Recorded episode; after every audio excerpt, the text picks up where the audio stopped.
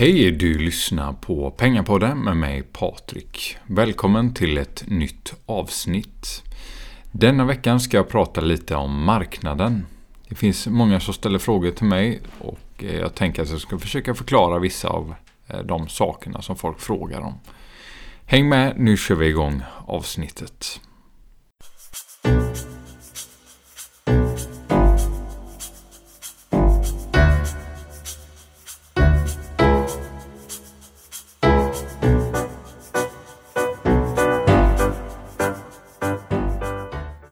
De senaste veckorna och eh, dagarna har varit väldigt händelserika på marknaden. Det är extremt intressant och lärorikt när saker man nästan inte trodde eh, kunde hända. Jag förstår att många som sparar och investerar sina surt förvärvade pengar blir oroliga när man ser börsen faller så kraftigt under så kort tid som eh, det har gjort. Vi har däremot från botten studsat upp nästan plus 16% på MXS30 och eh, på få dagar då. och i USA har vi under tre dagar studsat upp eh, kring 20% vilket är helt sjuka rörelser både på upp och nedsidan. Eh, avkastningen brukar man säga historiskt har legat på mellan 8 och 10% per år. Alltså ser vi då rörelser som motsvarar en årsavkastning på en eller några dagar. Vilket blir självklart då rätt extremt åt båda hållen. Eh, Boeing har till exempel studsat upp eh, plus 90% på en vecka vilket är eh, väldigt sjukt. Och jag förstår att man kan tänka, oj vad är det som händer? Min portfölj är ner kraftigt i år när man loggar in på sitt konto och ser det här då. Och eh, det hade man kanske inte räknat med. Och Det är självklart aldrig roligt att förlora pengar. Men detta är faktiskt en del av marknaden. Börsen går både upp och den går ner. Det gäller bara att inte ge upp nu när det blåser lite motvind. Det är nu du verkligen ska fortsätta ditt månadssparande. Jag får bland annat många frågor om hur jag agerar. Och eh, jag kan säga att jag är rätt avvaktande, ser vad som händer lite mer. Eh, jag har legat med en lite mindre exponering mot aktier än vad jag brukar göra rent procentuellt i min portfölj ett tag nu. Så jag missade en del av uppgången förra året, men jag åkte inte med ner i nedgången nu heller. Och jag blir lite mer försiktig när börsen stod i autumn high där börsen i princip har gått upp i 11 år. Då tar jag hellre hem lite vinster än att försöka maximera varje procent och istället kanske riskera en större nedsida. En eh, stor anledning till att jag varit lite mer försiktig är att jag troligen ska köpa hus framöver. Eh, jag har istället då viktat om en del kapital då till eh, cash, till eh, insats för ett hus som tyvärr kostar väldigt mycket i storstäder. Jag viktade även om en del kapital och köpte en del guld och silver för snart kanske lite mindre än ett år sedan.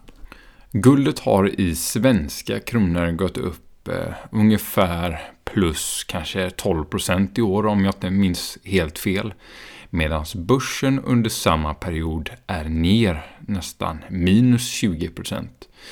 Så jag har alltså klarat mig väldigt bra med min ompositionering och har mycket torrt krut till att köpa ett hus eller om börsen faller mer kunna köpa lite mer aktier.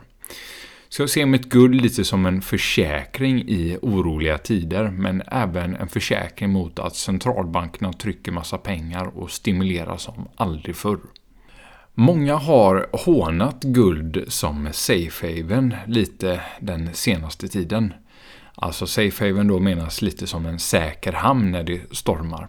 Och eh, då guldet har eh, fallit en del när börsen föll som kraftigast.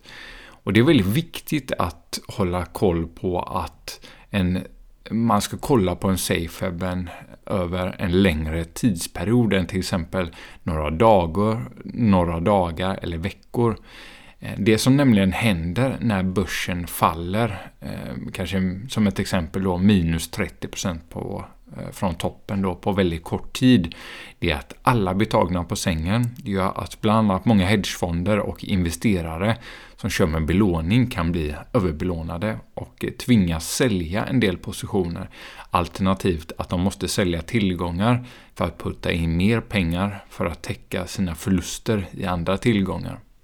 Då säljer man oftast det som har gått bäst och i detta fallet var det bland annat guld som man säljer för att täcka sina andra förluster i till exempel aktier som har fallit kraftigt då.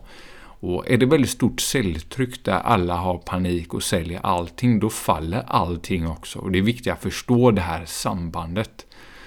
Så ett tag var det de stora vinnarna faktiskt de som hade cash.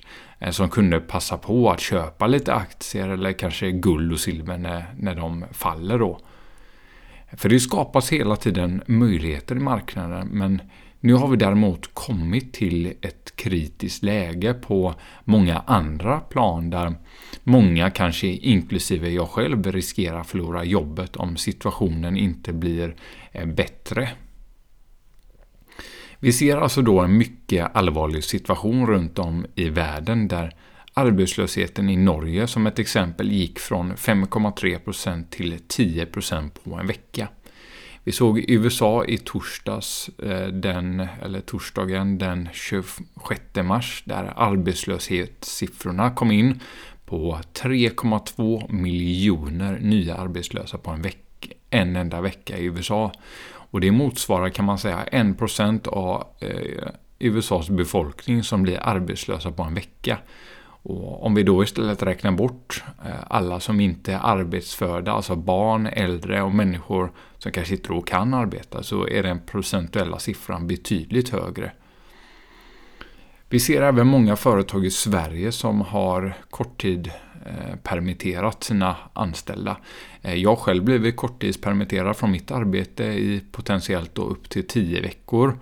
Eh, så det är klart att man har i bakhuvudet att blir det inte bättre snart så riskerar även jag att förlora mitt arbete, vilket inte är så roligt.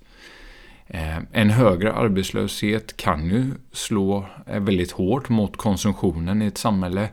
Eh, vi konsumenter blir mer avvaktande. Det blir en dominoeffekt som slår åt flera olika håll. Vilket inte är kanske jätte, jättebra för samhället då. Men det finns många där ute som kanske då inte har så stor buffert och inte har så stor säkerhetsmarginal. Eh, förlorar dessa personer arbetet så kanske sparandet får sig en rejäl törn med, och mitt i en börsnedgång då när man kanske vill spara och investera så mycket som man bara kan för att sen när det vänder får man ta del av uppsidan då på börsen när det går upp igen. Och dessa personer kanske inte då har möjlighet att spara och investera pengar när det kanske är eh, finns intressanta möjligheter att kunna tjäna mer pengar på lite längre sikt. Så det är helt klart oroliga tider där människor eh, dör i ett virus. Människor är under lockdown, det är varsel, eh, börsen rör sig extremt mycket både på upp och nedsidan. Eh, centralbankerna gör allt de kan för att stimulera ekonomin. Eh, där man initialt har tagit fram då ett krispaket på 20 000 miljarder eh, kronor i USA för att hjälpa amerikanerna genom krisen. Det förslag som har kommit fram är att ge varje amerikan i snitt eh, cirka 12 000 kronor var. Men jag har även sett siffror som representanter från Vita huset sagt ligger på närmare stimulanser på 60 000 miljarder kronor då. Eh, och detta är från ett enda land och det är USA då.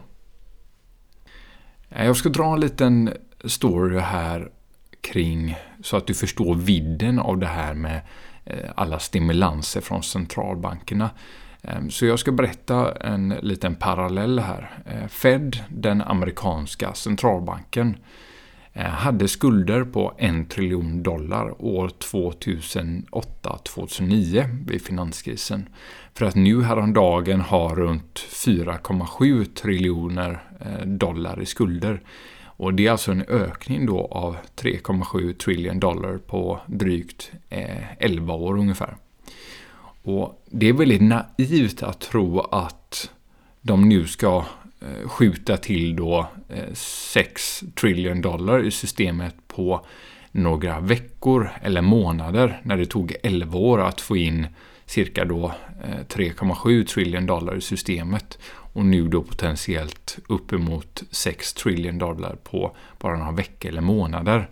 Och att tro att detta inte skulle kunna få några följdeffekter, det är nog rätt naivt skulle jag säga. Ehm, och jag skulle säga att förra årets uppgång på börsen var mer eller mindre driven av centralbankernas likviditetstillskott, enligt min egna uppfattning.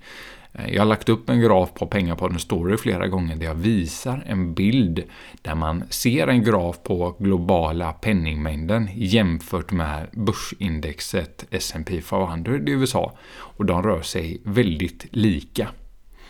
Och Det innebär då att när centralbankerna trycker pengar som inte finns och för in dem i systemet så går alltså börsen upp på detta.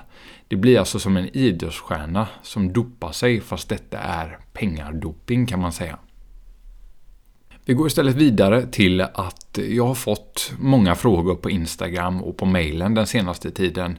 Ehm, och en av frågorna var att eh, den 26 mars då när arbetslöshetssiffrorna från USA kom där 3,2 miljoner människor i USA blev arbetslösa på en vecka så undrar många varför gick inte börsen ner utan börsen gick upp istället 5 eller 6 procent den dagen på dessa eh, katastrofala arbetslöshetssiffror. Då.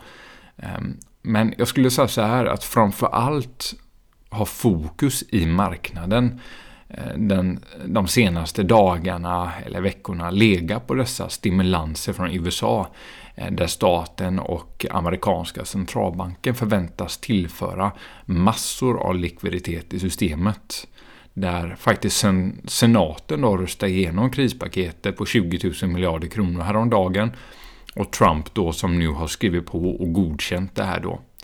Och det gjorde att börsen skuttar upp en hel del på detta.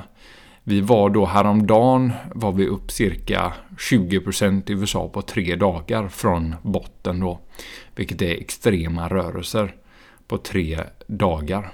Eh, och det är viktigt att förstå att börsen är eh, framåtblickande och mer eller mindre blunda marknaden eh, för vad som händer just nu. Vi får se vem som har rätt på kort och medellång sikt om det är bull eller bear. Och det var faktiskt allt för denna veckan. Marknaden blir extremt intressant att följa framöver som alltid. Har du någon fråga eller vill komma i kontakt med mig når du mig på mejlen kontakt pengarpodden.se eller alternativt då pengarpodden på Instagram. Ha nu en riktigt härlig vecka så hörs vi snart igen. Ha det gött!